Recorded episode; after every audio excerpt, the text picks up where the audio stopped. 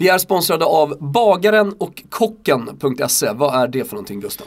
Bagaren och kocken.se är en sajt som hushåller allt man kan tänka sig eh, för att laga riktigt toppkäk. Då pratar vi alltså köksredskap, vi pratar korvmaskiner, pastamaskiner, grytor, stekspadar, you name allt it. Allt man behöver i, i köket helt enkelt. Och eh, eftersom eh, bagaren och kocken gillar Toto Balutto och således också gillar Toto Baluttos lyssnare så har de ett supererbjudande här nu. Det är 15% och jag har snackat med dem här i veckan. De har även slängt in 15% på en pastamaskin.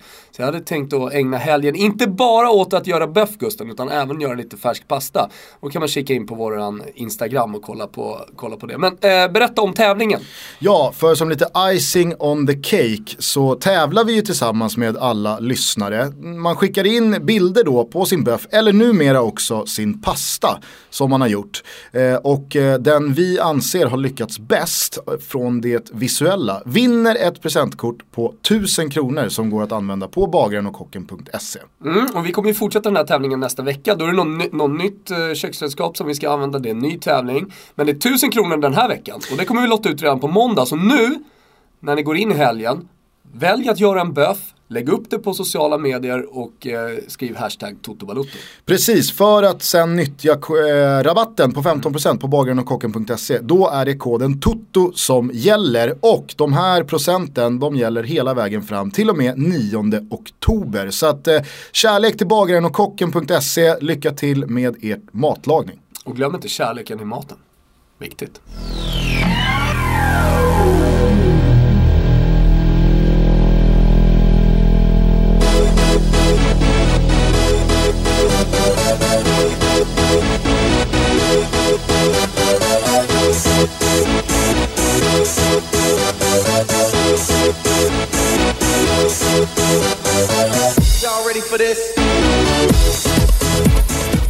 Det känns ju väldigt fint att hälsa välkommen till det första avsnittet som eh, spelas in i den här studion som Robin Stefanidis så underbart har byggt. Och med den tekniken som eh, hör till.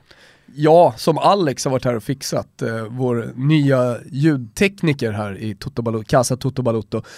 Och sen ska vi inte heller glömma bort Dämpa som har målat allting runt där. Vi har fått eh, superhjälp. Mm. Och eh, ja, Kim och Martin som var här och hjälpte till med alltihopa. Alla som har hjälpt till, hur som helst, eh, ni är för, e för evigt med i Toto-familjen. Och jag hoppas att alla lyssnare hör att nu, nu jävlar är Toto Balutto tillbaka på det krispiga ljudspåret. Ja, jag hoppas verkligen. Det är i alla fall gött att sitta och prata i en uh, riktig mick. Vi kan säga så här. Är vi inte tillbaks på det krispiga ljudspåret så har vi inte längre någonting att skylla på. Nej. Det här är ju vårt A-game. Ja. Är det inte bättre, om det nu här låter dåligt, mm. ja, då är det inte så jävla mycket vi kan göra. Då är det här vårt tak. Ja, det är det. Så, så är det, nu finns det ingen brasklapp kvar. Nej. Eh, alltid lite gött också att premiära lite halvt bakfull. Är det så? Ja, jag känner mig lös och ledig.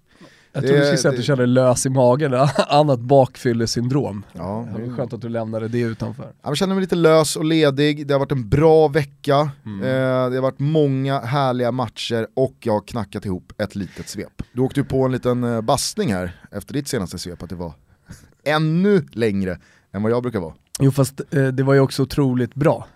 okay. Jag tyckte det var kul, någon, någon skrev något i stil med så här. jag tror att du missade hur det gick i någon match i serie C1. Ja. Kör. Då kör vi igång då. Vi börjar i gårdagens Europa League där Östersund tog en ny trea, höll ett nytt lakan rent och omvände ännu fler skeptiker. Miljonerna rasar in på kontot och efter att redan ha säkrat 6 poäng ger vi nu ordförande Kindbergs löfte om att Europa League-äventyret kommer att fortsätta 2018 goda chanser att infrias. Arsenal vann en målrik tillställning mot Bate Borisov, Milans Cutrone räddade tre poäng på tilläggstid och Lyon spelade lika på ett mot Atalanta. Världens bästa anfallare Alexander Kokorin tvålade till Sociedad. Nice asfalterade Vitesse och FC Köpenhamn blev nollade av sherifferna från Tiraspol. Från veckans Champions League tar vi med oss ett eh, naivt Dortmund som fick sig en lektion av Real Madrid. Att Manchester United ser obehagligt komfortabla ut och att Chelsea stal de första poängen från Atletico Madrid på deras nya hemmaarena Wanda Metropolitano. Men rubriken som verkligen gav ringar på vattnet den här CL-omgången var såklart PSGs slakt av Bayern München. 3-0-vinsten hade kunnat vara dubbelt så stor och mindre än 24 timmar efter avsparken fick Don Carlo Ancelotti sparken. För första gången i karriären. Väl? Ja, jag tror inte det. Han fick ju sparken i Real Madrid va? I alla fall eh, som jag minns.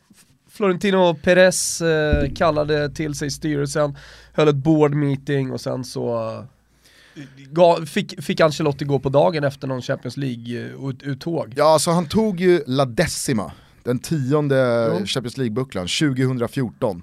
Mm. Eh, och absolut så lämnade han ju Real Madrid efter det. Mycket möjligt att han fick sparken. Alltså nu sitter vi här på morgonen och vi kan inte liksom dubbelkolla fakta så mycket men enligt Wikipedia så var det i alla fall så. På, vi sitter här på morgonen och kan inte dubbelkolla. Nej men vi har inte tid, vi har inte tid att dubbelkolla det med. Det här, det här avsnnittet ska spelas in. Låt mig vara lite A lös very och ledig. difficult decision to relieve Ancelotti of his duties, säger Florentino Perez, är det jag snabb-googlar fram här.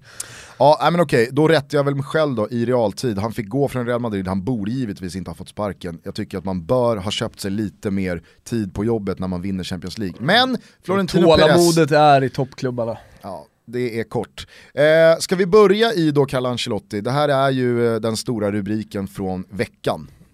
Ja det är det, framförallt då eftersom vi har suttit och trott lite på PSG inför det här mötet så skulle man ju få något slags svar. Har man tagit nästa steg? Visst, det är fortfarande tidigt på säsongen, mycket kan hända, skador kan komma, det är i mars-april man ska vara som bäst om man ska vinna Champions League och allt det där. Det är jag ju helt klart med på. Men ändå, det här var det första riktiga provet för PSG.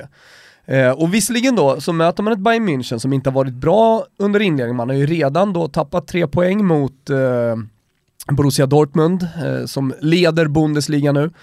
Och eh, det har gnisslats lite i, eh, i München, och framförallt då kring Ancelotti, att det kanske inte, det kanske inte är sådär klockrent, och jag vet, jag vet inte om vi har pratat om det i podden, men Lewandowski har ju varit ute och, och svingat lite mot klubben och tyck, har, har ju tyckt att man inte gjorde en tillräckligt bra transfersommar. Uh, och han sneglade ju säkerligen då mot till exempel PSG som köper in både Mbappé och, uh, och Neymar. Sen, sen ska ju de köpen, alltså, det, det, ska man ju veta, att där är det ju en jävla massa fuffens. Jag vet att det kommer komma fram uh, en hel del kring de köpen, men det som har hänt är ju att det är i stort sett är Qatar som stat som har obegränsat med pengar och då menar jag obegränsat. De, har, de kan göra precis vad de vill, de kan köpa universum och eh, nästa universum också. Men, eh, jag menar, det, det, går inte att konkurrera med, det går inte att vara PSG. För det är ingen som har Qatar som stat bakom sig, förutom dem.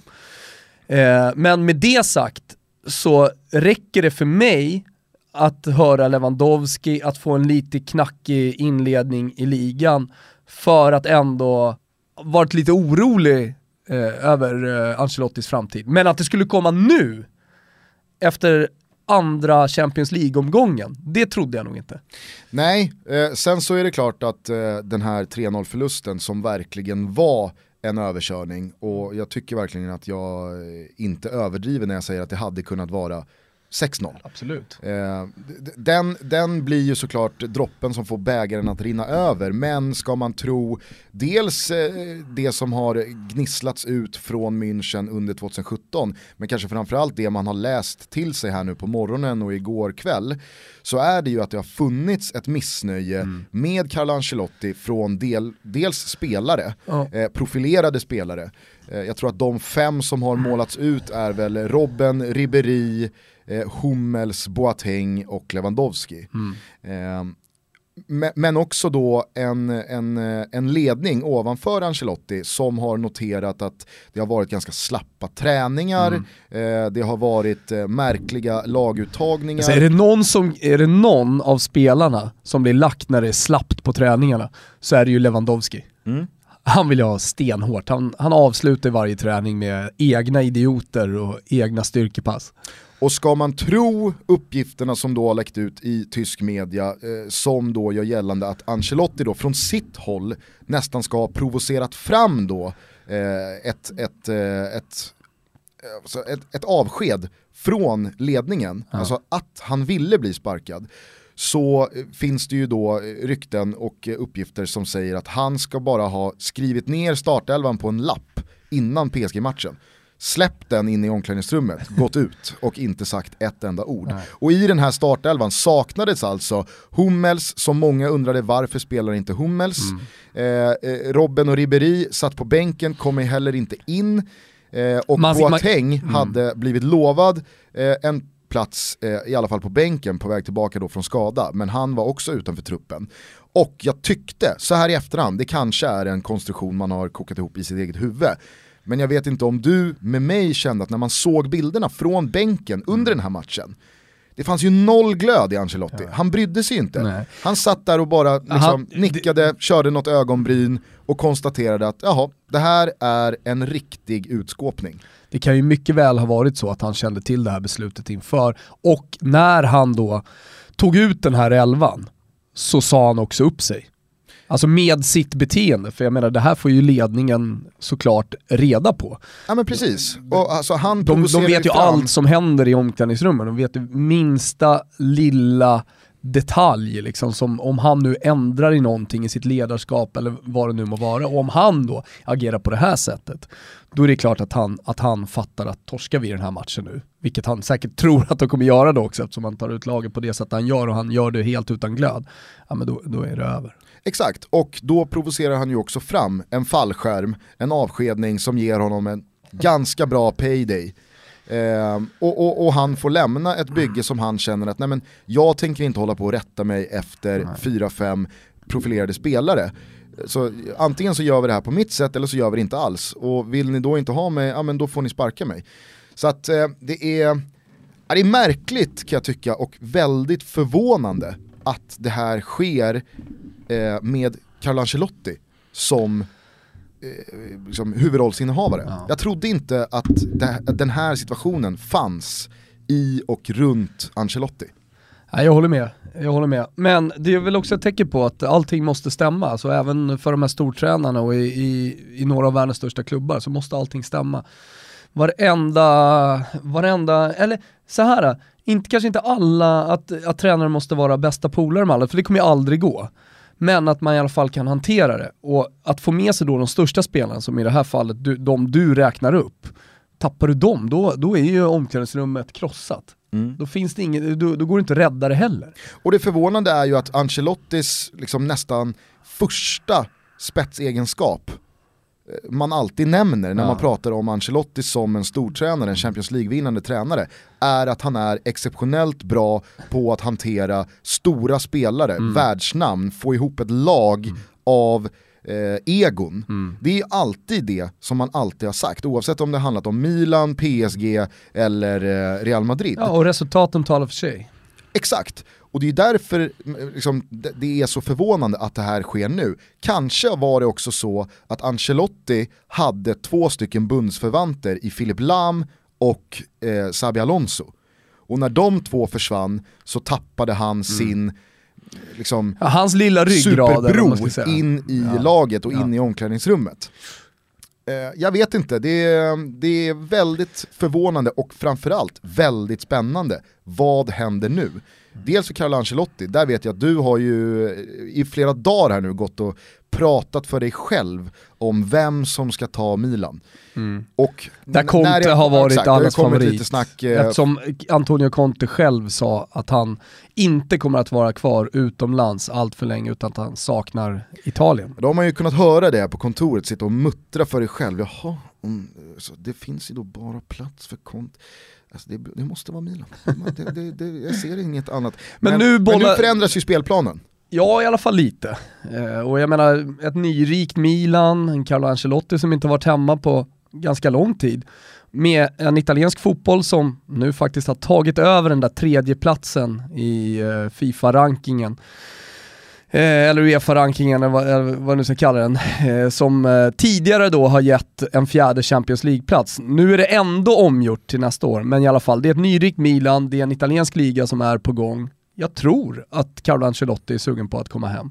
Och det kommer att finnas ett Juve förr eller senare, det kommer självklart att eh, finnas ett Milan före, det finns ett Inter, det är jag övertygad om för att Spalletti har nog i alla fall minst ett par år i, i, i Inter. Eh, Medan Montella redan då kritiseras av experter, eh, av supportrar som inte tycker att man spelar tillräckligt bra utifrån det spelarmaterialet som eh, sportchefen Fasone och Mirabelli har sportcheferna har satt upp för honom eller har givit honom. Och, eh, och sen finns det inga andra lag i Italien som, eh, som skulle kunna vara intressanta egentligen för Conte och eh, Ancelotti. Det finns inga lag heller som har råd med dem. En aspekt jag tycker man ska nämna också det är att det är ju en okomplicerad fråga för Milan att ställa till mm. Ancelotti.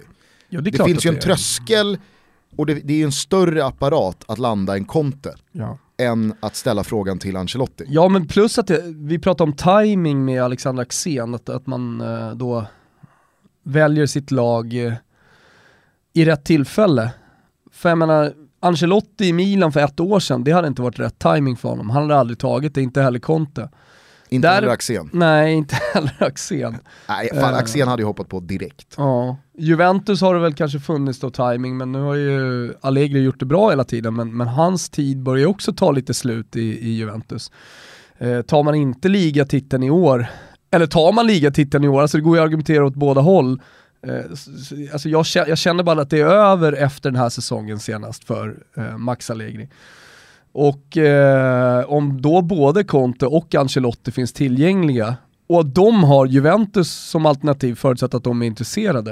Det är helt svårt att se, nej i och för sig, Konto har ju redan varit där. Det, det, det är kanske därför han, kanske därför jag mumlar och muttrar så mycket, kanske därför jag tänker att eh, Conte går nog inte tillbaka med tanke på hur den skilsmässan blev också mellan Juventus och honom. Den var ju inte helt klockren och det är samma ledning i Juve fortfarande också.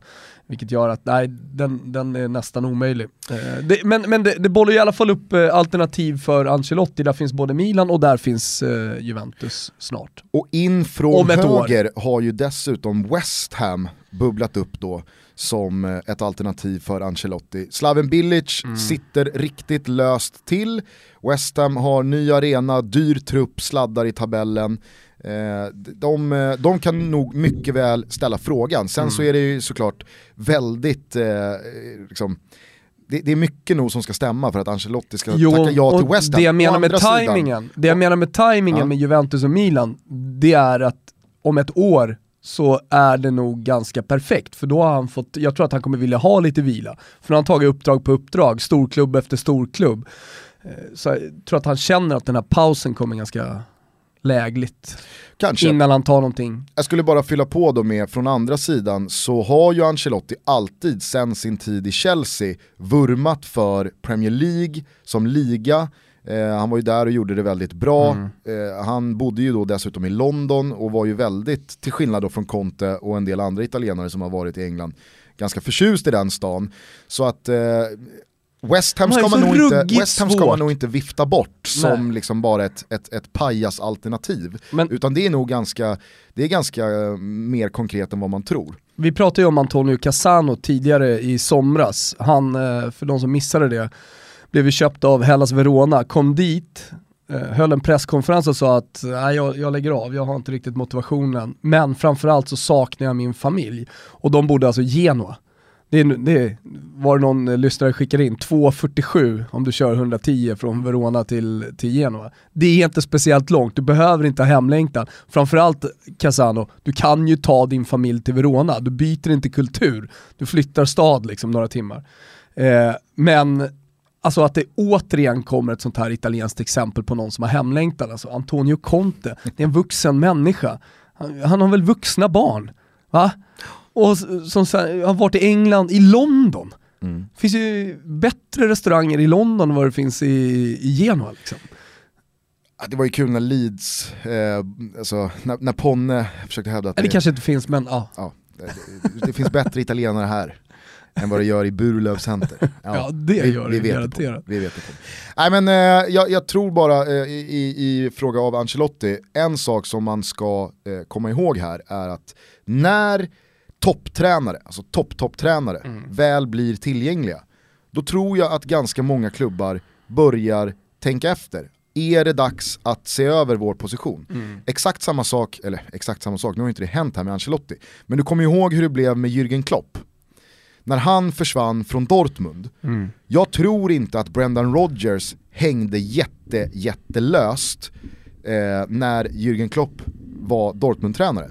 Men så fort Jürgen Klopp blev tillgänglig så tror jag Milan, eller så tror jag Liverpool insåg att nu är Jürgen Klopp tillgänglig. Det är en tränare som alla lag i världen vill ha. Någon kommer rycka honom inom ett halvår. Vi släpper Brendan Rodgers och tar Klopp. Och jag tror att Ancelotti är ett sånt namn som hamnar i ett likadant läge. Att eh, de storklubbarna nu som har inlett lite svajigt eller som kanske kommer svaja till här nu under hösten.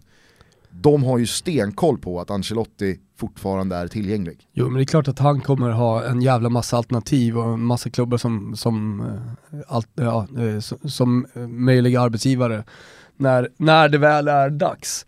Men nu sker det här under säsongen, han får lite tid att fundera och kanske meditera och sen välja ett, eh, Eh, en klubb.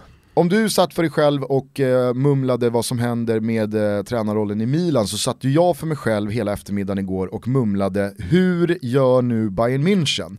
Det som eh, är eh, på, på, på bordet det är att Willy Sagnol kliver in och tar laget den här helgen och sen så har Bayern München kommunicerat att eh, en, eh, en tränarlösning ska presenteras under landslagsuppehållet som nu och väntar. det, det här är ju också ytterligare tecken på att det har varit på gång under en tid. Absolut, men det är väldigt, väldigt intressant att se vad som nu händer. För om man ska tro samstämmiga uppgifter, men kanske framförallt lillpöler Adam Nilsson, så är Hoffenheims unga succétränare Julian Nagelsmann, han är liksom öronmärkt för Bayern München från i sommar. Han kör Hoffenheim den här säsongen, planen var att Carlo Ancelotti skulle köra Bayern München den här säsongen och sen så skulle Nagelsmann ta eh, Bayern från och med i sommar. Men nu så verkar det som att Thomas Tuchel, Dortmunds eh, tidigare tränare, sitter ju arbetslös och är den som eh, verkligen bollas upp som då namnet att ta Bayern München nu. För att Nagelsmann tror inte jag, han lämnar inte Hoffenheim nu. Men det, tar, känns, tar, det känns ruggigt tidigt för honom att gå till Bayern München. men hur tar Bayern München. Tuchel så riskerar ju Nagelsmann att se det här Bayern-tåget lämna station. Jo, fast samtidigt så För jag tror kanske inte- det ska lämna station, han kanske ska stå kvar och eh, fortsätta gräva lite där han står och fortsätta att utvecklas. Ja, eller smida medan järnet är varmt. Ja, nej, Pep Guardiola var ju en ung tränare i Barce- Barcelona en gång i tiden och, och lyckades. Så jag menar, det, det, det är klart, även om han är ännu yngre. Ja, men vi satt ju och pratade här om eh, Gavetta och hundår för några avsnitt sen, alltså att en tränare Det är behöver... viktigt. Absolut, men ibland så finns det ju det här undantaget som bekräftar regeln, att ibland måste du bara hoppa på för att den här chansen kanske inte kommer igen. Precis lite som, att vi, det finns 16-åriga spelare som går direkt upp, i, har gått direkt upp i A-laget och sedermera också stannat i det A-laget och blivit världsspelare. Självklart finns det undantag som bekräftar regeln. Och för att då eh, liksom dra parallellen då med Janne Andersson, så tror jag att han kände att, jag, alltså en gång i min karriär får jag den här frågan. Och det är för att liksom, den här stunden, den här piken jag just nu upplever, den kommer bara ske en gång. Jag tror han var supersugen på att ta Norrköping ut i Europa, eh, kriga om fler guld, men han visste, en halv kall säsong så kommer aldrig den här frågan ställas igen. Nu är det bara att ta förbundskaptensjobbet. Och jag tror att Nagelsmann, även fast han bara är 30 bast eh, och har eh, förmodligen en lång och ljus framtid eh, framför sig, så tror jag att han känner lite så här, Bayern München-frågan, hur många gånger ställs den? Ja, ja det, är, det är mycket möjligt. Sen är det så att Nagelsmann verkligen är the, the real deal och är, liksom, har en framtid i en stor klubb, vinna titlar, eh, ta ett landslag och så vidare, alltså blir den här stora tränaren, ja men då kommer de här chanserna komma. Alldeles oavsett vad som händer. Absolut, men jag tror att han var ganska nöjd med För jag menar risken finns ju att skulle- du bränner dig skulle också. sluta. Ta Roberto Donadoni, eftersom jag älskar att dra kopplingar till Italien. När han fick frågan att ta landslaget efter att Lippi hade vunnit VM. Och han ha, hakade på, vet ju den karriär, han är ju i Bologna nu kan man ju tycka är fint, men han har ju aldrig fått frågan att ta Milan. Och frågan är, alltså jag vet inte, men hade han gjort gavettan, oavsett om det hade varit i ett eh, bottenlag i Serie A eller om det hade varit ett Serie B-lag, så vet det fan om han inte hade fått den där frågan. Men han brände så jävla många broar när han tog landslaget direkt efter att ha vunnit ett VM-år, när italiensk fotboll var på väg ner. Det var ju sämsta möjliga timing i det beslutet. Absolut. Och det, jag, jag, menar bara, alltså risken är ju att någonting sånt händer med Nagelsmann. Han bränner sig totalt i Bayern München och sen blir det att då gå ner och kanske ha en stämpel på sig att vara en tränare som inte riktigt klarar av ett storlag. Fast en aspekt man verkligen ska komma ihåg här är ju hur lätt är det att bränna sig i Bayern då? Jo, alltså med tanke på, kolla på Ancelotti, med tanke på kraven. Han kanske får någon slags eh, Eh, vad vet jag, från fansen någon slags här Janne Andersson eh, eh, tålamod. Är du med? Att, att ingen hade förväntat sig att Janne Andersson skulle ta Sverige till VM. Det här var ett kval där vi skulle där han skulle genomföra en generationsväxling. Alltså nästa mästerskap vi ska till och näst, alltså när Sverige ska vara som bäst efter den här generationsväxlingen är EM-kval och sen eh, nästkommande EM. Eh, och sen så, ja, har ju alla sett det här VM-kvalet, vi har vunnit över Frankrike och vi är med i racet fortfarande, det finns en möjlighet att ta oss till VM fortfarande. Eh, och alla är förvånade, men det hade ändå funkat det, jag, jag, menar att det kanske kan hända Nagelsmann. Jag tror dock inte det, utan alla förväntar sig resultat direkt, både i ligan och i Champions League. Jag ser det i alla fall som föga troligt att Tuchel kliver in här och tar något interimgig säsongen ut. Det, det, det tror jag inte finns liksom i Thomas Tuchel. Nej, absolut. Utan blir det Tuchel, Att han ska i någon slags tränarhierarki ligga bakom eh, Nagelsmann plötsligt. Det är i alla fall inte någonting som han accepterar. Nej, precis. Alltså du ska vara interim till Nagelsmann, det händer Nej men det är inte Avram Grant där. Nej. Eller Di Matteo. Nej. Utan tar man Tuchel, då tar man ju Tuchel på ett treårskontrakt. Och då tror jag att, liksom, alltså, då sover ju inte Nagelsmann jättegott. Eh, väldigt spännande att följa vad som händer i Bayern München och med Carlo Ancelotti. En stor jävla bomb var det i alla fall. Mm. Oldham då, på tal om tränare, vi måste ändå nämna det. Clarence Sedorf, på tal om hundår och gavetta och tränare som då inte lyckas på den största scenen som sedermera istället tar ett steg tillbaka och börjar träna klubbar i de lägre divisionerna. Och då spelar det ingen roll hur stort fotbollsnamn du är, men eh, kommer du till den punkten att du vill träna men du har bränt dig på, i, i, i toppligorna, ja då får man göra som Clarence Sedorf. Man får gå ner och ta Oldham. Ja, den såg man inte komma när han stod där, det är ju bara... Jag vet inte om det är officiellt. Är det tre, fyra år sedan eh, han, han eh, hade Milan? Och stod där i sin eh, Hamren-halsduk eh, på, på San Siro, Milan, Milan dundrade ut. Då trodde man inte att, slutet på 2017, då tar han Oldham i League One. Du vet ju vad gidret var inför att eh, Cedorf skulle ta Milan. Det var hans tränarlicens, för han hade ju tagit någon, eh, man måste ju ha någon slags eh, Fifa Pro-licens eh, för att få träna de här lagen och få Eh, det, det, man kan göra är ju att eh, sätta en andra tränare då som första tränare fast alla vet hur eh, tränarhierarkin i laget ser ut för att du kan vara hjälptränare utan att ha licensen. Men Clarence Cedorf i alla fall, han, han, tog någon internetkurs som skulle ge honom behörighet eh, via någon så här brasilianskt företag som, som sålde de här licenserna. Eh, det slutade i alla fall med att han fick igenom den och att han fick träna Milan ju. Mm. Men eh, i Oldham, nej det såg man inte heller komma. Toto-tripplar den här veckan Gusten. Eh, jag stannar i Italien. Det är lite deppigt nu. Lite deppigt? Ja men det har gått lite dåligt för mig. Ja, det är läge att vända på skutan. Ja, och jag känner faktiskt, ibland du vet när man har den här magkänslan och så går det åt helvete.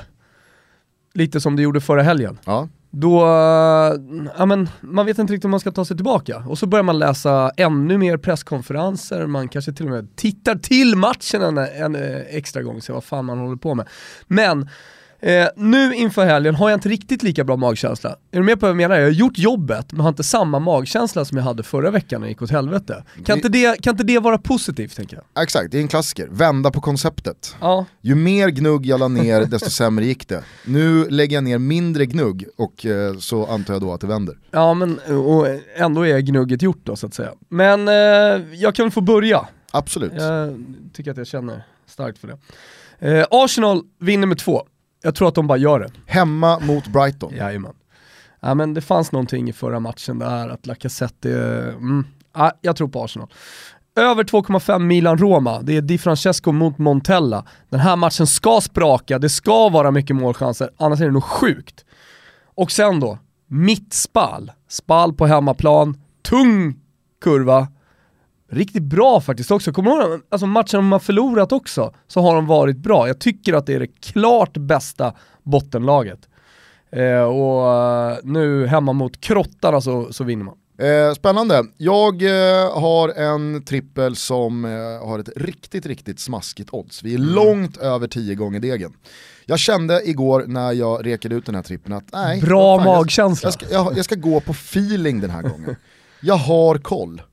Eh, så det blev eh, en så här rolig trippel. Jag tror att AFC kommer eh, kanske inte nödvändigtvis vinna, men jag tror att de gör över 1,5 mål hemma mot J Södra.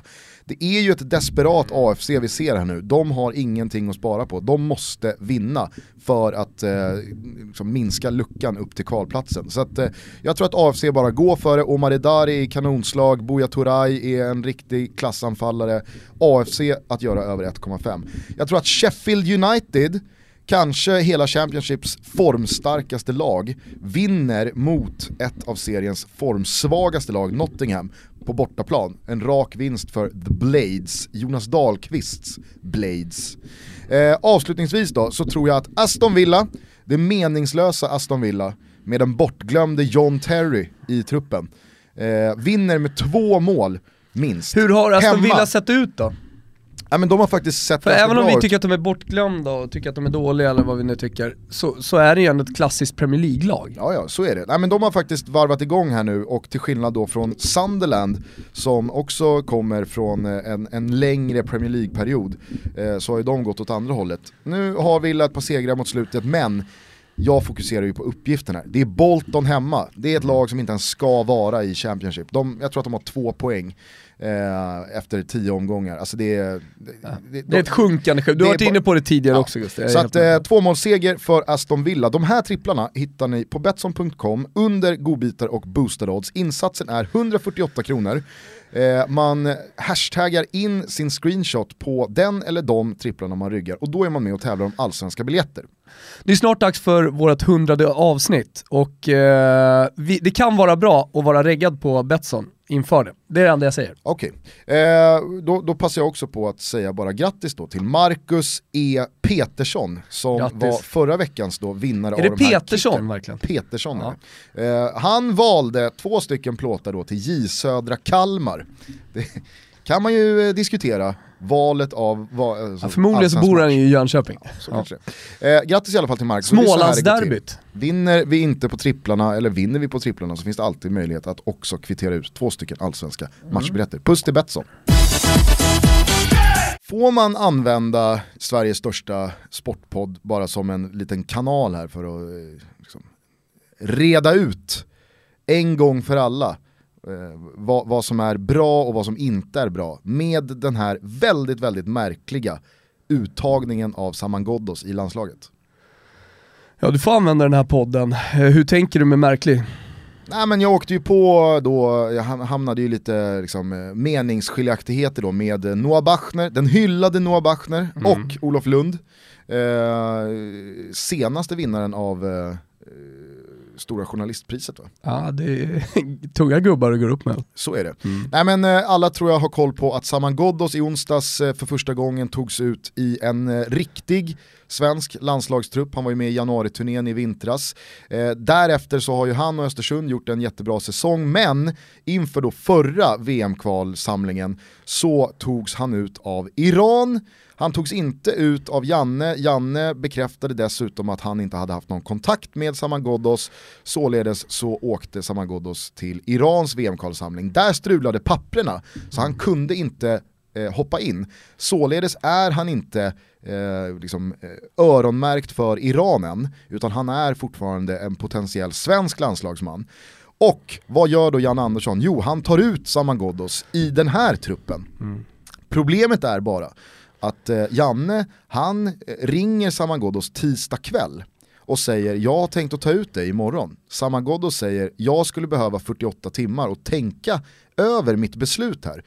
Eh, Janne säger okej, tar ut truppen eh, förmiddagen efter, Noah Bachner räcker upp handen och frågar eh, hur har snacket gått med Saman Ghoddos? Janne lägger korten på bordet och säger Saman kommer faktiskt bestämma sig på fredag huruvida han vill vara med eller inte.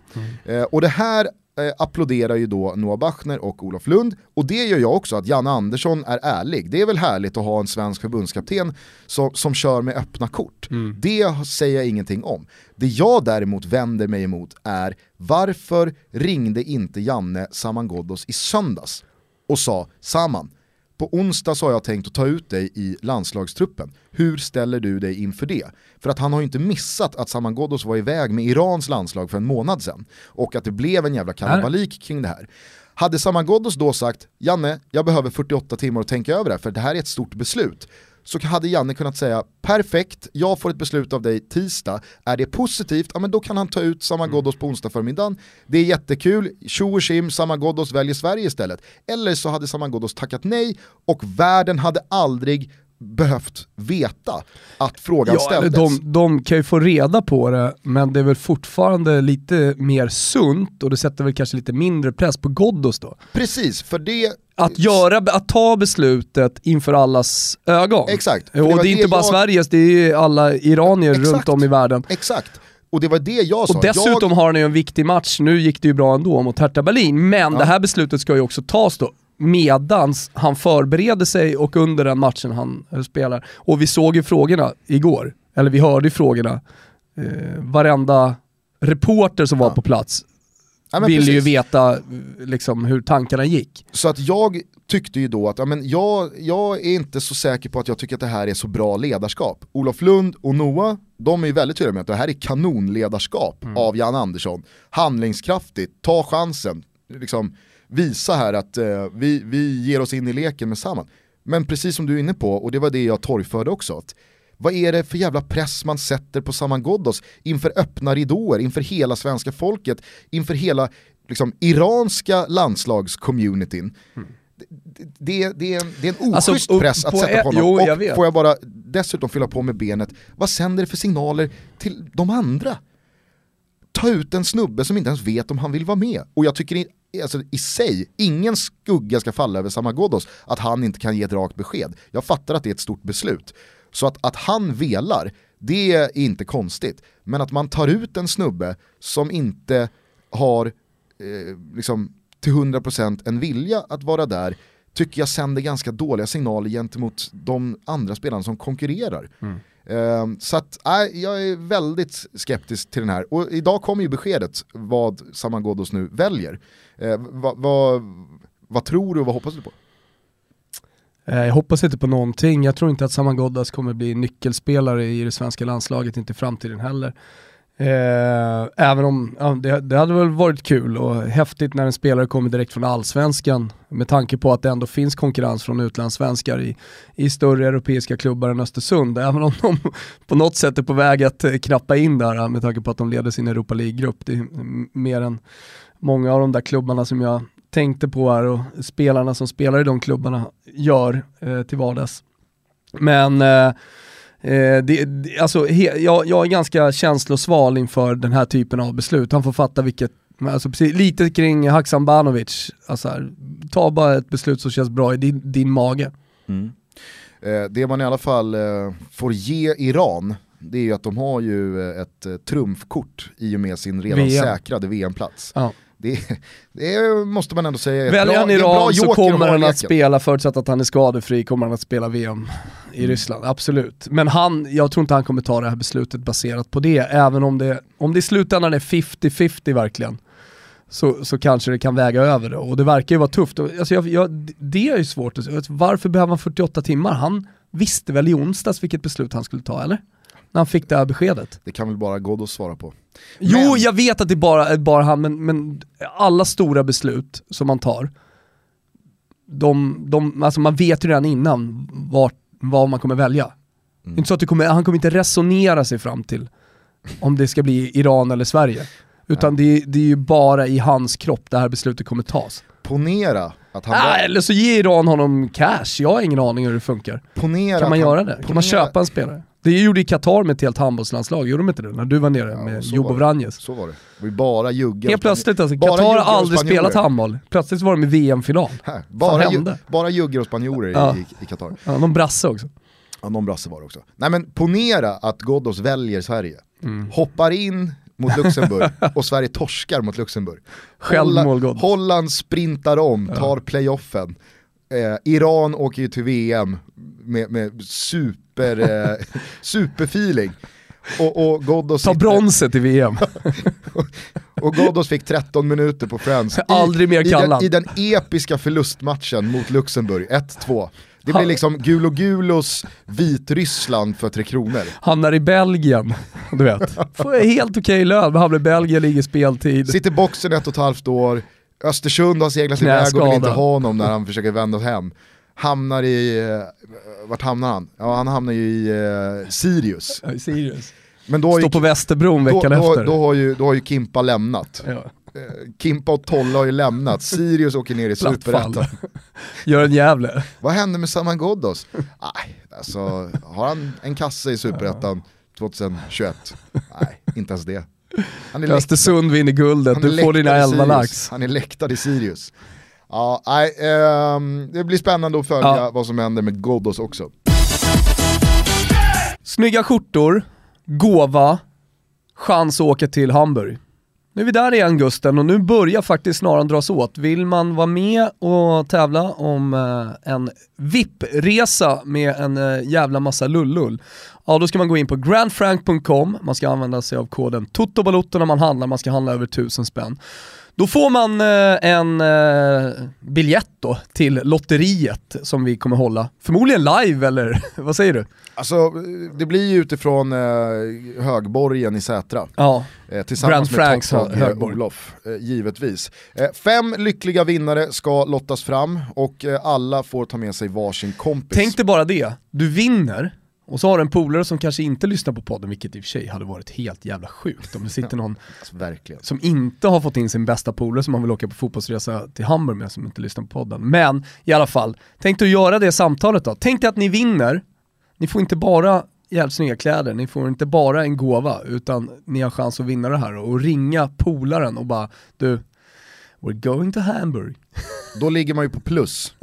Då ligger man ju på plus hos polaren. Ett ganska bra tag också, eller hur? Fast kan ju, du kan ju också hamna i ett dilemma. Vem ska du ta med? Jag menar du som ändå har fem, sex bästa polare som du väljer emellan och skickar BFF-sms till. Är man riktigt, Det är Jeppe eh, ena dagen, sen är det Kimpan eh, andra dag. är man riktigt smart så låter man ju alla få reda på att man har vunnit men att man ännu inte har valt eh, medresenär. Ja. Så att det kanske kommer man kört lite, eget lotteri eller? Det kanske kommer lite frirunder och det kommer någon Arlanda-skjuts här och ja, det, är, Som- det är ett tips. Ett av lullullen förresten, på den här resan som vi ska göra tillsammans med Grand Frank, det är ju att Sillen och Dobben ska med. Ja. Det är Sänk- Business Event Networks Top Dogs. Sänkt ribba för Lullull, att de ska med. Ja men det är bra killar. Ja, ja, ja absolut. Men Eh. nu, det är no- hur länge håller vi på med tävlingen? Vi håller på till och med den första veckan i oktober så att eh, det är väl, Jo men det är en vecka kvar. det är drygt en vecka kvar. Ja, så Eh. gå in på grandfrank.com, eh, Hanna prylar för över laxen och Jag tror alla har förstått vad de ska Ja. göra. Gör det här bara nu om ni vill vara med och Glöm tävla. inte bort Toto Balutto som rabattkod bara. Det är viktigt. Vi öppnade ju frågelådan igår.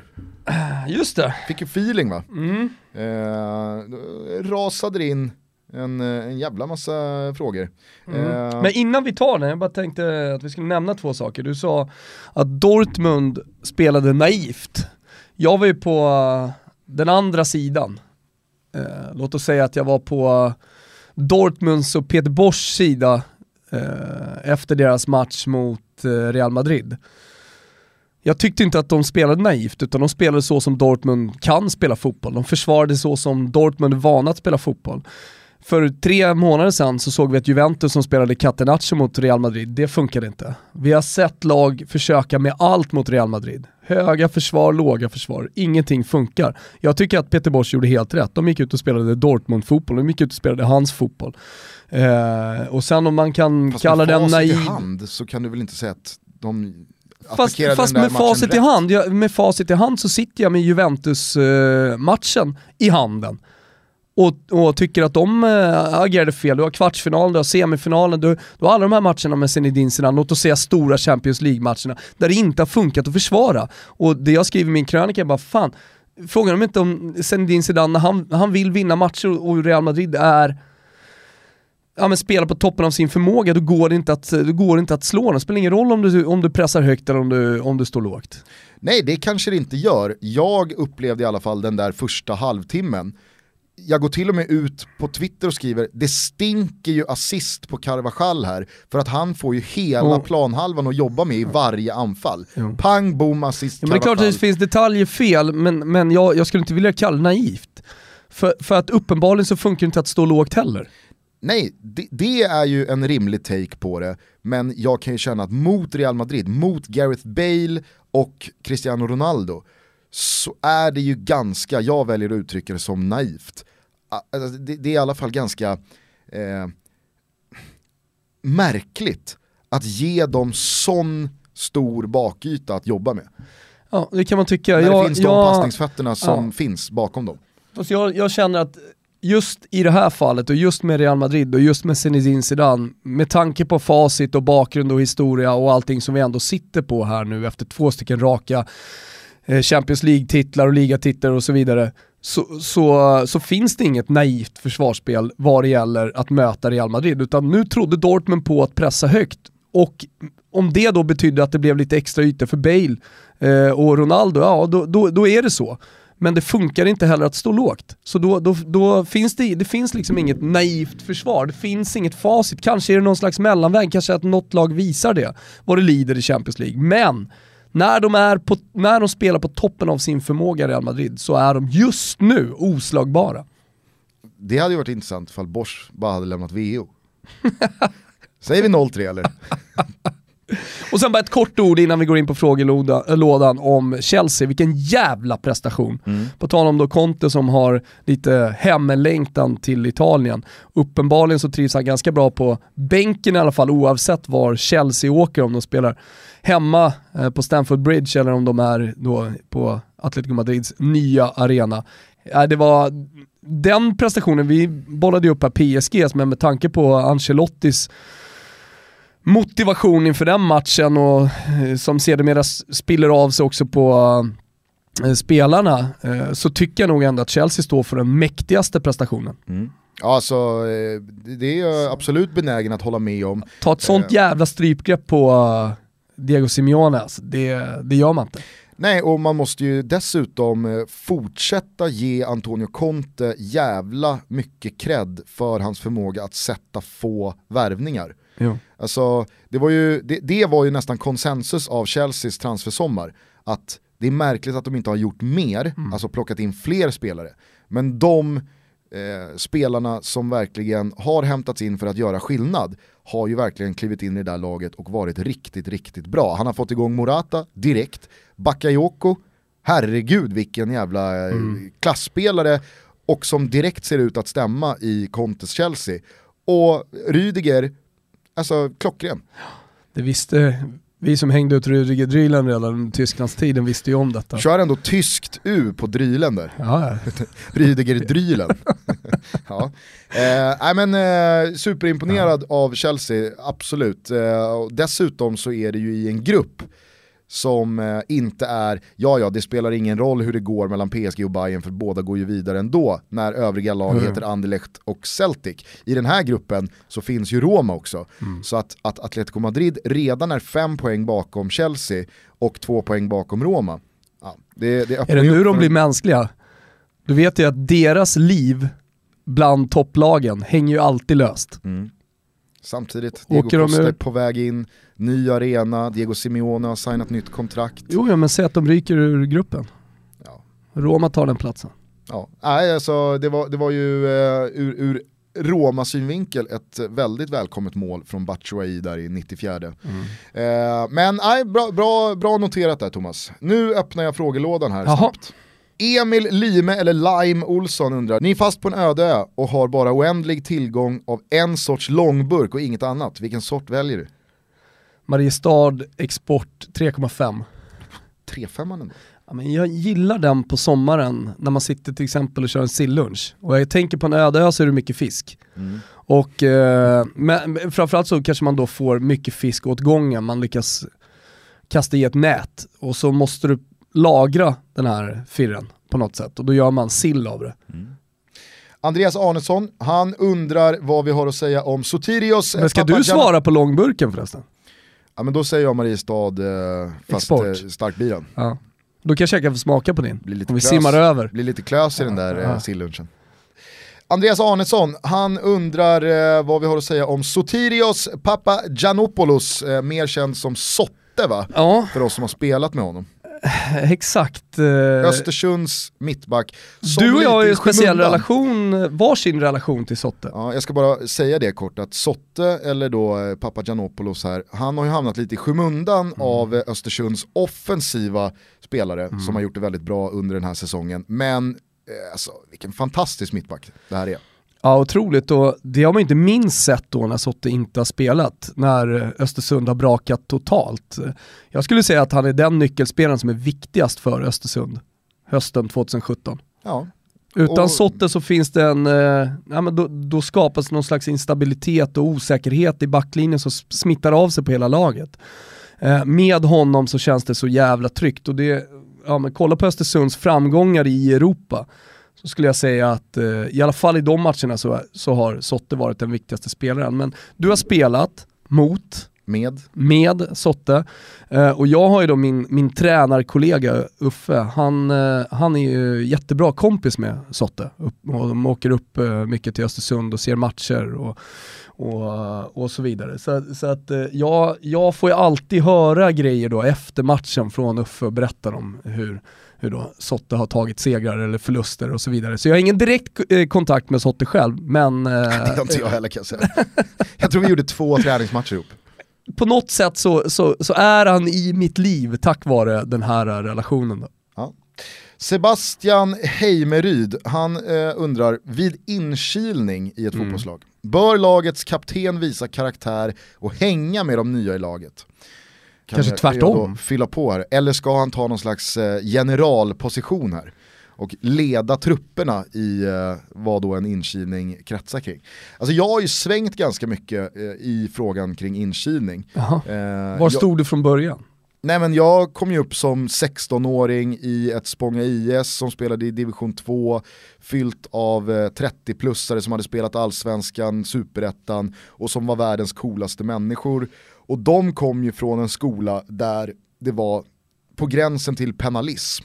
Alltså man ska trycka ner junisarna, de ska dra målen och bära koner och hämta vatten och vika ens handdukar och putsa ens skor. Och på inkilningen då skulle man stå i stringtrosor och bara bli smädad i 45 minuter. Man skulle bjuda på någon show eh, och var den inte tillräckligt bra, ja, då var det ju fri lejd för eh, 71-erna. Men då kan... Att bara köra över Ja, 71 kunde köra över. Ja men exakt, och, och, så här, och, och det tyckte ju jag då efter att ha stått där som 17-åring att aha, nästa år, för då började det byggas upp liksom, veckan efter inkilningen så by- byggdes det upp i 51 veckor nästa år och hade man då klarat av sin inkilning, ja, men då fick man ju vara med på andra sidan och då hetsa de nya och så i, i två, tre, fyra år där när man var sent i tonåren, eh, 20-21 bast, så var ju liksom inkilning, alltså det, det, var ju blodvittring på alla oss som hade klarat av det. Men med åldern och med att ja, men fotbollen ändå förändrades inifrån vad gäller språk, vad gäller, eh, ja men jag tror ändå eh, det förändrades på ett sätt som att det, det gick inte längre att komma undan med saker. Eh, både på den yttersta nivån men också även på lägre nivåer. Eh, det, det, det, och, och, och i det så, så svängde jag nog ganska mycket så att idag så är min inställning till inkilningar att vad fan Skit i det. men Gå ut och, käka, tre, gå ut och vad- käka en trevlig middag istället. Du- Däremot blir man ju ja. provocerad av de här jävla Premier League. Ja men det var det jag tänkte säga. Vi har ju inte ringt upp Ponne på ett tag, det är ju för att vi inte riktigt har fått igång tekniken med att ringa upp eh, utrikeskorrespondenten. Och Ponne kommer ju att eh, vara en del av den här podden såklart eh, i framtiden också. Men vi fick ju det här ljudmeddelandet av Ponne.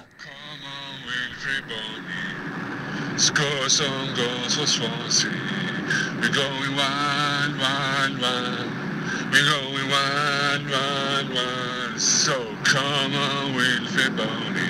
Man kan ju tycka att Ponne ska ha lite mer tryck i stämman kanske. men, Kan man tycka.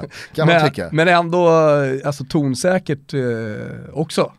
Ja, ja, Va? nu, är nu är du snäll. Är jag snäll? Ja, men det, det Ponne sjunger här, det är ju alltså den ramsan som Wilfred Boni valde att ställa sig upp på den här lagmiddagen med Swansea och sjunga inför alla som någon slags inkilningsritual. Och det är ju Och det laget- nya, att man ska laget ställa sig upp och sjunga. Ja, är laget flippar ju ur och det är så jävla galet och det är så jävla crazy och så har man själv suttit på någon jävla herrgård i eh, Nynäshamn och sett liksom en 17-årig mittback få korkar upptryckta i rökan och, och man vet ju var man kommer ifrån. och, och att då säga så här, är, är det det där som Det hade gäller nu? varit konstigt om Wilfred Bony satt med en kork i rumpan. Martin Olsson står Han är- som någon inkilningsgeneral i Swansea och Men det- trycker upp de som blir- korkar i Wilfred Bonis Ja, då, eh, det måste ha funnits några sådana här ställde upp och sjung som har varit, man har sett några som har varit rätt deppiga. Speciellt när de är i någon slags här klubbkonferensrum. Och, och, de, och de ställer sig upp och det blir lite så här pinsam stämning bara. Alltid Eh, långbord. Och allt har inte kommit ut heller, så jag menar, några sådana måste ha funnits. Här, här, var, här var ju ändå någon, det är så garvig inkilning när Ja, man tittade på. Men det är ju när jag ser de här stela sånginsatserna, Mm. då finns det ju någonting i mig som ändå med glädje och värme Mm. minns de här penalistiska över gränsen inkilningarna. Men Även om du har svängt. även om jag har svängt Ja. för att liksom, i, i ett nyktert vaket tillstånd Men det, alla andra stunder så har jag ju eh, lämnat det bakom mig och tycker idag att inkilningar, det ska nästan bort från eh, fotbollen. Gå ut och käka en trevlig middag istället eller fan, eh, ta ett par bärs ihop som jag, jag jämlikar. tror att man gör det också, mer och mer. Jag tror ja, att det de tror jag också, är borta. och, och det är jättebra. Det, Ja. det applåderar jag Ja. verkligen. Och idag så kan jag ju tycka att men, unga 90-talister som kommer upp och inte tar någon skit. Alltså det var ju oerhört provocerande då, ja. men idag så finns det ju delar av det också som jag ja, men lite Nej gillar. men på den tiden så var det ju så att om det kom upp någon och var lite kaxig, ja men då, då var ju den, an, den allmänna taken på det från resten av laget och framförallt då 71orna, att den spelaren minsann inte hade någon fotbollsframtid.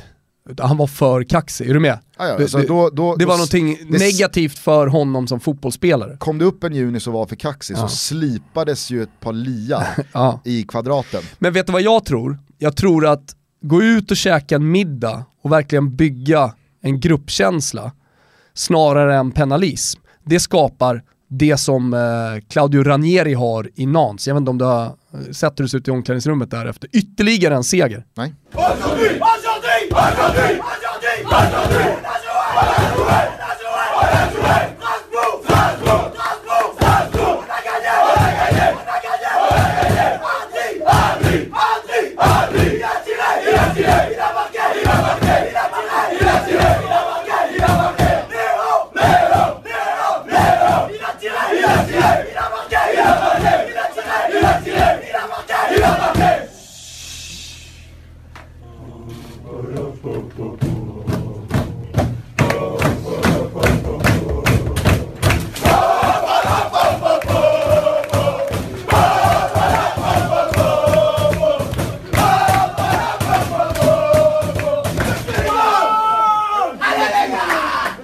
Håll med om att det där, det där är en gruppkänsla som inte är skapad utifrån en jävla penalism. Nej, verkligen. Och det, det tyckte jag man också såg i Claudio Ranieris ligavinnande Leicester när de blev mästare i kavaj då, hemma hos Jamie Vardy. Att det, det såg ut att vara ett, ett stort, genuint kompisgäng. Där alla älskade alla. Andreas Johansson, han frågar så här, är Anton Tinnerholms insats i måndags, alltså när Malmö FF eh, ryckte jobbet från Magnus Haglund och slog Elfsborg med 6-0, den enskilt bästa insatsen allsvenskan någonsin skådat? Stora ord Och alltså. det är lätt att ta till stora ord efter en sån här insats. Tinnerholm gör alltså två mål eh, på riktigt, sen så ligger han ju bakom två stycken självmål Mm. som är lite hans mål, eller lite, det är väldigt mycket Tinnerholms mål. så Och två dessutom två ass. Så att, eh, Jo men rent offensivt det för en back tre kanske det är det. Jo men offensivt för en back så, så är det eh, kanske en uh, topp 10 insats. Det var ju lite lustigt, eller vad man ska säga, att eh, den insatsen kom efter att Daniel Sundgren hade fullständigt slaktat sitt motstånd. ja, Och inte bara Daniel Sundgren. Nej men AIK vinner ju med 6-1 borta mot Häcken. Vi har ju lite eh, Backar kontakt med eh, Daniel Sundgren via då eh, vår älskade Kristoffer Svanemar. Och Sundgren vet ju då, okej jag gör två mål, vi vinner med 6-1, nu ska det tas ut en landslagstrupp. är det nu det händer? Är det nu samtalet kommer? 24 timmar senare har ju Tinnerholm toppat den högerbacksinsatsen med råge. Men togs ju ändå inte ut va? I, Ja, i- den andra ytterbacken tycker du är årets värvning i Allsvenskan? Eh, vem tänker du på då? Den andra ytterbacken i AIK. Rasmus Lindqvist? Ja. Ja, alltså eh, jag tycker ju att det är ju AIKs bästa värvning eh, i år. Ja. Det är ju många som pekar då på Obasi eller eh, eh, Tern, nu har inte Tern fått ut någonting. Nej men Kristoff, alltså det var ju många som då pekade på när, när de kom, det här är den bästa värvningen vi gjort. Men med då facit i hand, om man får använda det, så tycker jag att Rasmus Lindqvist har varit AIKs bästa nyförvärv eh, den här säsongen. Det är, det är en riktigt, riktigt bra fotbollsspelare. Nästa fråga. Ja men eh, landade vi då att Tinnerholms insats var den bästa någonsin av en individuell spelare? Eller har du någon sån här insats du, du, du går till? Ja, men jag har ju Afonso Alves. Jag minns ju D.D. Andersson gjorde ju fyra strutar i någon eh, bayern match och höll hov på Söderstadion. Det, var en, det, var en, eh, det var en insats. Mm. Alltså, vi har ju Johan Kjellberg, han skriver ju, "F- får inte glömma Afonso Alves mot Blåvitt 0-2.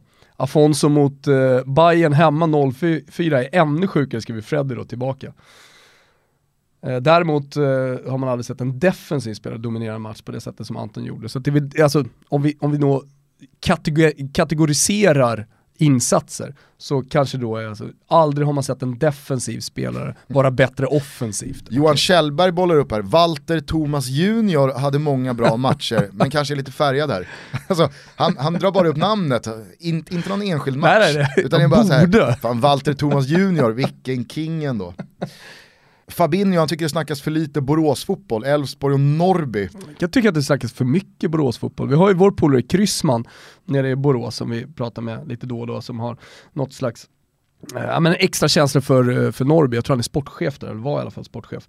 Eh, Men eh, jag tycker också att det stannar där. Vi behöver inte prata så mycket mer. Det som, det som vi lär få anledning att återkomma till vad gäller Elfsborg, det är ju vad som händer nu i eh, deras eh, ledningskorridorer. Absolut. Eh, Bosse Andersson lämnar ju här efter säsongen, nu fick Magnus Haglund gå, det pratas om Tobias Linderoth ihop med Jörgen Wålemark. Mm. Och att Anders Svensson ska kliva in i någon slags assisterande roll. Eh, och det är ju onekligen väldigt spännande. Jag hoppas ju på att eh, Janne Mian, alltså eh, assisterande idag, får en bärande roll. Det är en superking alltså. Det är en riktig profil. Åh fan. Aldrig träffat någon som svär så mycket. Som är så grov i munnen. Eh, Det är helt otroligt alltså. Okej. Så att eh, jag håller ju min tumme för eh, Mian. Eh, att men eh, det, det blir eh, väldigt intressant att se ifall då Tobias Linderoth som har gjort en jävligt lång gavetta i Elfsborgs Ja. U-led nu äntligen Känns ju har ändå kött på mer tränarkompatibel än Ljungberg. Eh, Viktor Rickardsson, eh, Eh, PSG, Cavani, Neymar-beefen, hur upplevde du den? Nej men eh, som en clash mellan två stora egon. Eh, framförallt då en ny spelare i ett nytt lag som direkt ville markera vem det är som är den största. Han har ju hela tiden då levt i Barcelona, i skuggan av eh, Leo Messi. Eh, och det var väl lite Neymars sätt att säga, nu är det slut på det. Nu är det jag som är den stora stjärnan, jag gör vad fan jag vill i det här laget. Men det finns fortfarande olika dynamiker i, i eh, ett omklädningsrum och ute på en fotbollsplan som man måste acceptera alldeles oavsett hur stor du är. Och det fick ju Neymar erfara. Eh, Marcus Ringstrand, han eh, tycker att eh, det ska pratas lite Mario Mandzukic. Jag måste säga att eh, det förvånade mig inte alls att Iguain satt bänk i derbyt mot Torino, att man spelade med Mandzukic som spets. För då förutsatte jag, jaha, det är ju Champions League i veckan. Självklart kommer då Iguain att spela från start tillsammans med Dybala. Men tji fick jag, Iguain satt bänk igen och Mandzukic spelade spjutspets. Vad är det som händer där? Nej, Det är uppenbarligen någonting där med, med Allegri, han hade sett något att eh, Iguain inte, inte är i form eh, och han vill ha leverans direkt. Men det som hände var ju att Iguain kom in och så styrde han upp det. Men du såg Iguains firande. Ja. Det firandet tydde ju på att här har vi en situation. Ja det är klart att det är en situation. För att han flippade ju ur. Ja.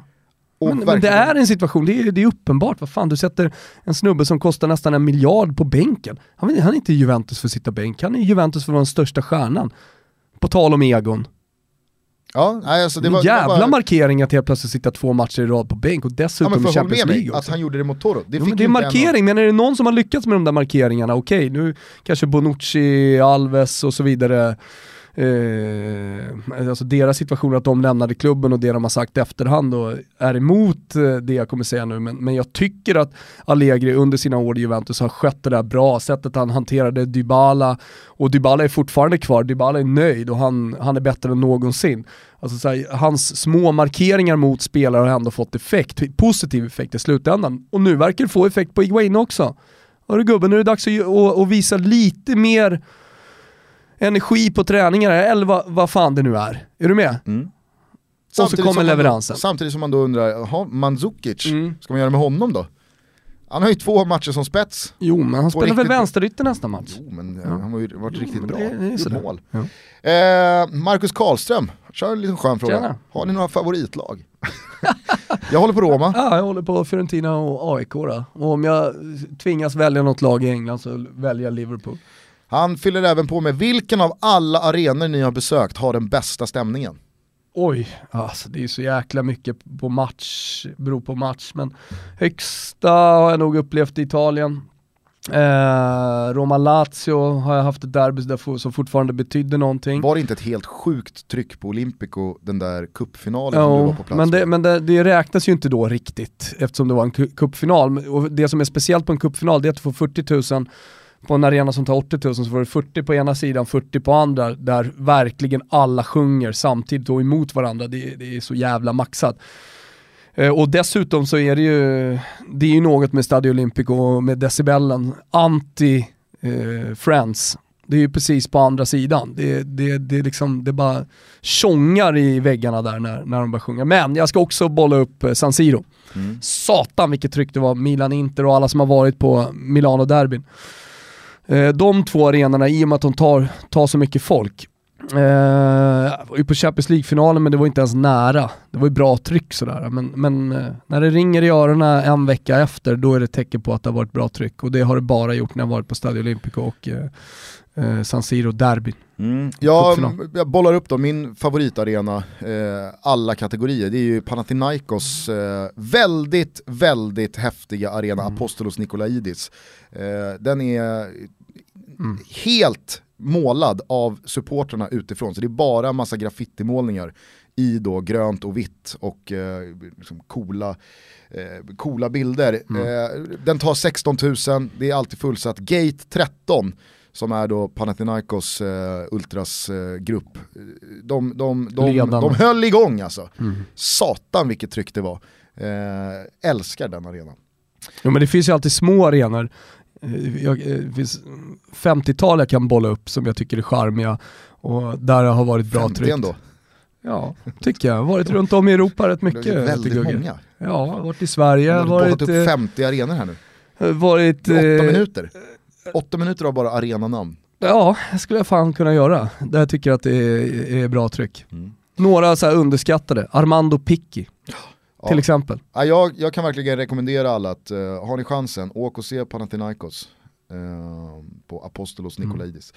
Eh, Stefan Augustsson, han skriver, med risk för att åka ur båten, vet inte riktigt eh, vad han menar med det, Eh, jag tycker att han eh, ställer en Ah, ja. rimlig fråga här. Går det kanske att ta avstånd och dra en gräns för vad män gör i fotbollens namn? Våld, språk, Oj. hot etc. Ja, det är väl självklart. Ja, gör ingenting som är olagligt. Eh, Men stökar gärna lite. Ja, okej. Eh, Johannes Wetterberg, kan det här vara Balotellis år? Det är Balotellis år. ja, men det är, alltså, det är Balotellis tideräkning. Jo men det tråkiga med dig, det är ju att liksom så här, det är när det går dåligt för Balotelli, det är då du börjar gnugga Balotelli. När det sen väl Jo, går bra går för Balotelli, men- då, då, då slocknar Nej din men, glöd nej, men då, då, då ser hela världen vad Balotelli inte gör. folk. Ja, men då, då får folk börja kika lite mer på Nice matcher då. Han är, han är key, han är kung. En av världens absolut bästa anfallare, Mario Balotelli. Chupi Big Belly, Tjena. nice namn. Chupi Big Belly. Vilken är den bästa match du sett? Wow. Ja, det har jag ingen aning om. Inte fan var det Roma-Fiorentina 0-3 i alla fall. Nej, Europa den var jag League. ju inte på. Nej. Den krökade du bort. Ja, det gjorde jag. Uh, jag vet inte, men den som, mm, det finns många matcher som har rört upp känslor, alltså så här, när, man, när man har chans att vinna en titel. Men det var ju speciellt där med Napoli-Fiorentina, men det hade varit den första titelmatchen för Fiorentina som jag, som jag då hade fått uppleva live. Ja. Eh, och, och Ilicic brände friläge eh, med tre minuter kvar. Var man inte glad? Fan vad Ilicic har liksom, frilägesbränning. Ja, med tre minuter kvar. nära till hands. Aura. Ja. Alltid. Alltid. Fri från halva, Nej, jag vet det, finns så jävla många. tofflar bort den till inspark. Ja. Vet du vad han har?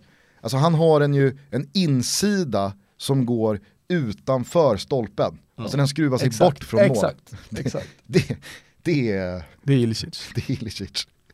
Eh, David Hermansson pratar om Frida Nordstrand, Money Talks, då hon ger upp det hon lovordade och pratade så älskvärt om i podden, Champions League samt Formel 1. Vi Man kan väl i alla fall säga så här. Det, det, det kom ju eh, som en liten chock i alla fall när eh, det igår då förkunnades att Frida Nordstrand lämnar Viasat för TV4 och Simor. Eh, för att som David är inne på här så hade man ju verkligen känslan av när hon var hos oss här för en och en halv månad sedan att fan vad Frida gillar det här.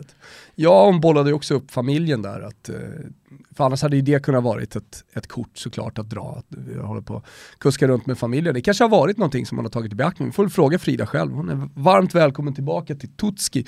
Vill, du Men- höra en, vill du höra en riktigt sorglig grej? Ja, Igår morse kom den här, Frida Nordstrand lämnar eh, går till TV4. Då har jag alltså två missade samtal på min telefon från ett mobilnummer som jag inte har liksom inlagd i luren. Och det är inget så här 010 eller 040. du tänker att det är Viasat som ringer? Jag tänker ju tanken, det här, det här Men det var kan, sillen det här på kan vara Viasat. Och jag svarar, jag svarar aldrig på nummer jag inte känner igen. Så att, men, men då när jag nås av Frida-nyheten så tänker jag, nu kommer frågan. Så jag ringer upp numret och då är det bara, det här numret är eh, Fortum Ja. elundersökning. Vi är inte sponsrade av Fortum. Men alltså, Fy fan vad sorgligt det var när man då klickar ner det numret och bara, Gugge, jag kan säga, du är inte ens nära. inte ens nära. Nej. Nej. Nej, vi kämpar på. Ja. Vi kämpar på. Men kul för Frida, följ ditt hjärta för fan. Ja. Lite tristare för Tjärnström. Han fick länge, ett halvår. länge gått och väntat på att få ta steget upp i hierarkin. Ekvall lämnar, allt ljus på Tjärnström. Jag fick ju mycket av Lund också, så här, nu, nu är det jag och Tjärnström liksom, som, som, som rattar det här. Fotboll, vad, vad kallar on tour? Ja, fotbollskanalen on tour. Ja, just det. Nu är det bara tillbaks ner i skidbacken, Ja. stå och rapportera. Kämpa Tjärnström! Och kämpa, eh, kämpa också nya kanalsatsningen, Sportkanalen. De har ju varit på en del satsningar till TV4. En del kanalsatsningar som inte har varit sådär superlyckade. Hur känner du spontant med Sportkanalen? Nej, men jag är ju helt övertygad om att eh, Sportkanalen eh, kommer innebära att Olof eh, öppnar upp sin podd till andra sporter. Okej. Alltså nu, nu, nu kan han sitta med Ah, hockeyspelare och golfspelare och handbollsspelare och OS-aktuella vinteridrotter och så vidare. Så att, det är väl kul för Olof. Ja, Marcus Ahlström, han undrar hur vi ser på att fans ger sig på sina egna spelare på sociala medier efter en dålig insats. han tänker på Jonas Olsson eller? Ja, Nej, det var i och för sig inte egna fans. Oskar Linnér har ju hamnat Ja, i den här situationen Nej, det är skit. också. Det är skit. Ja, jag tycker också att det är, Det är skit. jävligt osmakligt. Ganska lätt att svara på den frågan också. Framförallt så känns det också väldigt märkligt att agera så som supporter till ett lag. Nej, sluta håll på med det här trolleriet. Olof Möller, vad tror ni om Hamrens framtid? Bra fråga. Är han inte i Örgrytes eh, Han är rådgivare. stab på något sätt. Ja. Ja, jag såg några klipp från en träning. ja, det, är, det är lite, lite säger jag nu, jag vill inte vara allt för taskig, men det är lite Tony Adams-vibbar alltså. Han, Men- kör någon, han kör någon liksom eh, teknikpassövning. Mm. Och det är, äh, det är så märkliga instruktioner och det är ljud och bam bam pang. Jag kan jaj, säga så här om. Hamrens framtid, han kommer ju inte hamna i en klubb utanför Sveriges gränser eller i en klubb där han måste prata engelska i alla fall. Vi minns ju när han ja, kanske nådde sitt eh, all time low. Också på tal om Frida då. Om man tänker att eh, om man ska ersätta Frida på Viasat, Eh, som kanske diskvalificerar dig då. Alltså dels ska du vara en bra intervjuare, där är du absolut Gusten. Och du, du klarar, och det har du visat tidigare, du klarar absolut av, av engelskan och jag tror att Ja men, men, men du, du har de, de yrkesmässiga, eh, inte, inte bara erfarenheten men också skickligheten att, att kunna hantera den typen av situationer. Du är väldigt lugn när det väl kommer till intervjumomentet. Det tycker jag, där är du grym. Kom till min Men- språkförbistring här nu. Ja, det är dit jag skulle komma. Alltså på CVt så får det gärna stå, pratar flytande alla romanska språk. Men, men en, en sak som jag tycker Frida gör bra, eller känns som att hon gör bra, det är just den här grupppresentationen. Alltså där, där talar det lite för mig då. Alltså jag är bra på de romanska, jävligt bra på de romanska språken. Och jag är bra på att penetrera grupper. Är du med Gusten? Mm. Mm. Det har vi noterat. Alltså det, det skulle jag nästan säga är den viktigaste egenskapen för alla er som nu sitter och söker Fridas jobb. Att, att eh, alltså ni ska höja det i CVt, just liksom er, er förmåga att penetrera grupp, grupper. Alltså fan, ju mer jag tänker på det, så jävla sorgligt att jag ringer upp det där numret och tror att jag ska komma till MTG-huset. Inget bra Gusten, det är inte det. Det är så jävla sorgligt. Alltså. Du har kommit till Fortrum El. Det är en marknadsundersökning. Ah, fan. Nej, men jag tror inte heller att eh, Hamrens tränarframtid ser speciellt munter ut. Eh, jag tror att dels så är han ganska dyr, Mm. eh, dels så tror jag att hans ambition överensstämmer inte med verkligheten. Alltså de klubbar som han kan tänka sig Mm. att ta är inte intresserade. Eh, det som, alltså så här, Luktar ju, den luktar enda, inte ja, den enda Azerbaijan, storklubben, den enda storklubben Ja. som skulle kunna tänka lite crazy och gå på Hamrenspåret är ju just nu IFK Göteborg. Som i mångt och mycket styrs av Mats Gren, och Mats Gren har ju tagit kontroversiella beslut tidigare. Va? Skulle inte han bara kunna få feeling en dag, tänka, fan, vi kör på Hamren. Känns som att allt är möjligt. Kamratgården just nu. Ja, för att eh, de verkar ha fått nobben av Olof Mellberg. Mm. Eh, jag, jag tror att eh, liksom Magnus Haglund är inte aktuellt. Det, det, det lär inte heller vara aktuellt att fortsätta med Alf Westerberg och Torbjörn Nilsson efter den här Jag tror- senaste tidens resultat. Kanske är Om- Blåvitt Hamrens Ja, enda kanske. hopp om att få liksom en, en, en Eller så En blir det någon slags klubb. Svennis light. tveksamt alltså. Tveksamt. Men vi kan väl bara lyssna på vad han sa dagen efter att Sverige hade åkt ur EM 2012. You say about good teams. Um, what would you say about England and their, their possibilities in this tournament now? Good start, result, good result. Uh, so yeah, in my opinion, uh, they have a good uh, chance to go further. Uh, I think they only need one point uh, versus Ukraine, and if they go further, everything can happen.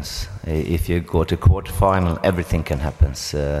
Uh, you've seen them before when when uh, Greece won and, and so on. Every can win. So I like Roy really much. So for his, for him, and some friends I have in, in England, I'm gonna, what to say, heja, vad heter? Hold, hold, on, hold on them, eller wish them luck. Yeah, let them win the whole shit. Max, han frågar, kommer Kun Agüeros krock i natt ta Maluma till listan av mest nedladdad musik? Eh, Berätta vad som har hänt. Det som har hänt är att Kun Agüero, mycket märkligt, i natt befann sig i Amsterdam för att gå på en konsert med artisten Maluma som vi givetvis avslutar det här avsnittet med. Man har ju ingenting på Maluma. Är det en tjej, kille, grupp? Vem vet? Men det är också därför han befinner sig i Amsterdam ju. Alltså, så han går- älskar ju Maluma. Agüero går på konsert i Amsterdam, smäller med taxin in i en eh, telefonstolpe, ish, och har enligt uppgift då knäckt några reben, väntas bli borta i par en, månader. en och en halv, två månader någonting. Eh, det är ju någonting med, Många fantasylag i kris nu. är det inte alltid så med sydamerikaner? Att de går på musikkonserter med akter man aldrig hört talas om. Och så jävla dålig musiksmak i Sydamerika. Det, ja. Nej, men eh, det är väl rimligt att tro att eh, Maluma kommer klättra på listorna för att eh, såklart. Agüero var på konserten och sen knäckte revbenen. Det får nog avsluta hela balunset idag. Ja det får du göra. Hörni, glöm inte bort att vara lite på tå nu kommande vecka när biljetterna släpps till vårt hundrade avsnitt.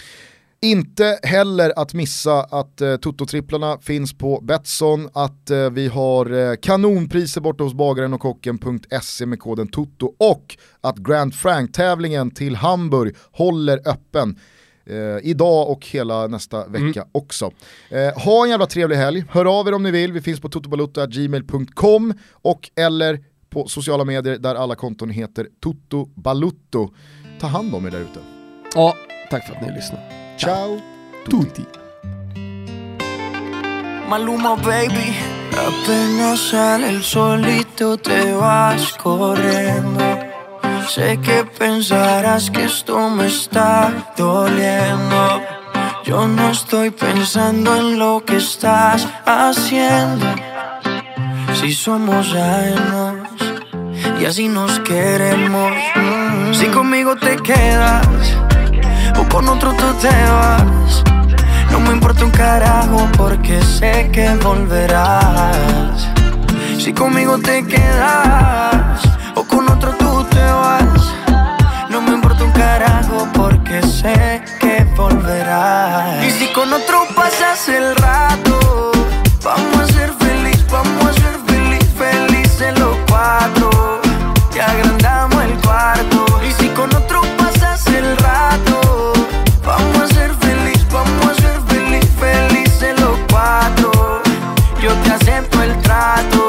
hacemos todo rato.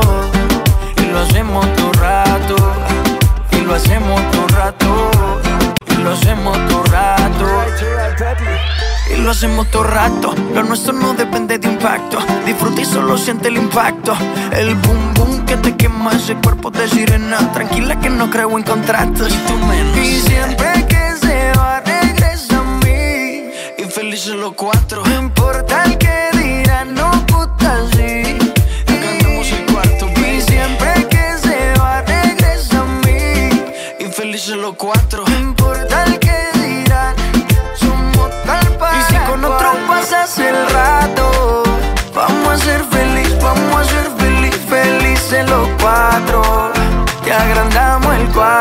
Y si con otro pasas el rato, vamos a ser feliz, vamos a ser feliz, felices los cuatro. Yo te acepto el trato y lo hacemos todo rato. Y lo hacemos todo rato. Y lo hacemos todo rato. Y lo hacemos todo rato. Si conmigo te quedas o con otro tú te vas me importa un carajo porque sé que volverás. Si conmigo te quedas o con otro tú te vas. No me importa un carajo porque sé que volverás. Y si con otro pasas el rato, vamos a ser feliz, vamos a ser.